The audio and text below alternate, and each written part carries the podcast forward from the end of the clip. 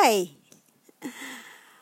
Kucing kalau lagi ngumpul di satu tempat dalam jumlah yang banyak, para majikan bulu di rumah lah maksud saya. Itu kadang-kadang mereka eh, mungkin sumpek kali ya atau suntuk sebab ruang geraknya menjadi lebih sempit gitu. Jadi mereka punya kecenderungan untuk ngomel. Untuk anak yang gampang naik darah, dia akan marah ketika ada yang mengganggu kenyamanannya. Kalau buat anak yang nggak gampang naik darah atau paling grundel doang atau ada anak-anak yang lebih memutuskan untuk um, nyari spot yang kosong dan tidur. Jadi setiap anak reaksinya beda-beda ketika nggak nyaman berada dalam satu ruangan yang terlalu riuh. Nah, buat anak-anak yang marah-marah ini, itu benar-benar berantem dan kalau berantem itu kan ribut banget. Kadang-kadang ketika saya kayak tadi gitu, saya lagi kerja, konsentrasi langsung bubar jalan kan ketika mereka berantem karena saya harus menghentikan pekerjaan padahal saya in the middle of something. Um, harus melerai mereka dulu menenangkan udah. Kadang-kadang kesabaran saya kan kelar juga nguap gitu ketika lagi under pressure. Sehingga yang saya lakukan adalah teriak mem memerintahkan mereka untuk berhenti. Ketika suara saya kenceng berteriak kepada mereka supaya mereka berhenti, mereka bisa berhenti. Berhenti sih. Dan biasa kalau saya udah berdiri, lalu muka saya udah muka marah dan itu marah beneran, aduh nggak guna banget sih. Dan mereka tuh mukanya uh, panik. Dan saya kemudian biasanya jatuh kasihan gitu karena mereka panik. Beberapa kali sih gitu. Karena kan ayah Canga juga suka gitu. Jadi kalau misalnya udah nggak sabar dia akan ya berteriak untuk menghentikan berhasil sih. Tapi kemudian kami juga menyadari satu hal. Mereka berhenti bukan karena mereka tahu kesalahannya. Mereka berhenti karena mendengar suara yang keras. Dan mereka takut. Jadi yang terpatri di kepala mereka adalah rasa takutnya. Bukan merasa bersalah. Jadi mohon maaf nih, mereka nggak ngerasa bersalah tuh. Karena mereka nggak tahu salahnya apa. Karena kan mereka hanya bereaksi. Ini, ini terlalu riuh. Mereka perlu space yang lebih luas dan terganggu oleh anak lain.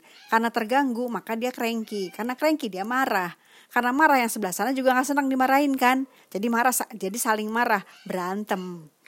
Kan seperti itu gitu bentuknya. Dan sebagai manusia, saya merasa terganggu karena mereka berantem. Padahal kan problemnya bukan di situ. Problemnya adalah mereka nggak nyaman dengan tempat yang terlalu riuh sehingga mereka nggak punya ruang gerak yang cukup. Setiap kali marahin mereka, sebetulnya itu sebuah kesia-siaan. Karena mereka beneran nggak tahu loh salahnya apa. Mereka hanya takut, takut mendengar suara yang keras gitu. Tapi mereka tidak tahu salahnya apa, sehingga ya sebetulnya kan percuma itu akan terulang lagi, terulang lagi. Sama kayak ada satu nih si Blue. Blue itu paling hobi gangguin siapa pun, bukan siapa pun yang dia anggap bisa diganggu. Jadi kalau misalnya Ebi lagi dimasukin ke studio, maka si Blue tuh entah out of the blue tiba-tiba menyerang dan ntar eh, si Ebi teriak-teriak, ngumpet di kolong ah gitulah biasa keriuhan. Saya akan meneriakin Blue. Blue mendengar suara saya yang keras, dia akan langsung berhenti dan langsung duduk, dia akan berhenti gitu. Tapi kan itu tidak membuat dia menghentikan kelakuannya. Nanti sekian jam lagi dia akan melakukan hal yang sama, nggak nyampe jam kali sekian menit kemudian dia akan melakukan hal yang sama. Besoknya ya gitu lagi. Dan saya harus melakukan hal yang sama. Nggak kelar kelar bukan? Sehingga memang harus dicari jalan keluar yang lain. E, para majikan bulu ini e, memang bisa dikasih rules. Tapi dia tapi mereka nggak seperti anjing. Kalau anjing itu bener-bener bisa dikasih rules. Nih ya aturannya gini gini gini gini. Kamu boleh gini nggak boleh gini kamu boleh gini nggak boleh gini. Kucing nggak semuanya enggak uh, ada yang bisa dikasih rules tapi kebanyakan sih enggak apakah karena mereka nggak ngerti? Enggak karena mereka nggak mau aja. Karena buat mereka rules itu adalah mereka. Jadi kalau istilah saya suka-suka aku gitu. Suka-suka mereka aja gitu. Makanya kami menyebut mereka majikan bulu. Mereka lah para majikan dan kami bertiga budaknya. Ya ke, eh, akhirnya uh, para budak kami itu menyesuaikan apa yang dia mau. Misalnya kalau hmm, di, di ruangan di satu ruangan ini ter, lagi terlalu banyak sehingga mereka sudah mulai cranky dan mulai marah-marah, maka harus ada yang dikeluarkan. Sesederhana itu dikeluarin aja beberapa sampai tenang, habis itu kalau mau dimasukin lagi masukin. Ya eh, toh kita juga sudah kami sudah hafal jam tidur kan. Jam tidurnya tuh jam berapa aja tuh kami udah hafal lah gitu. Jadi pada saat jam-jam tidur nggak apa-apa nih kalau lagi rame itu pada jam tidur nggak masalah.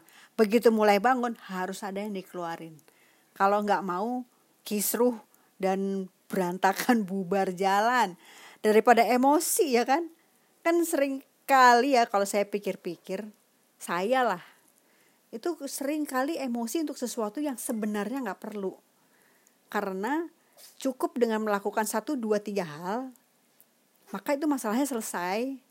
Dan itu hal-hal itu tadi sebetulnya gampang gitu.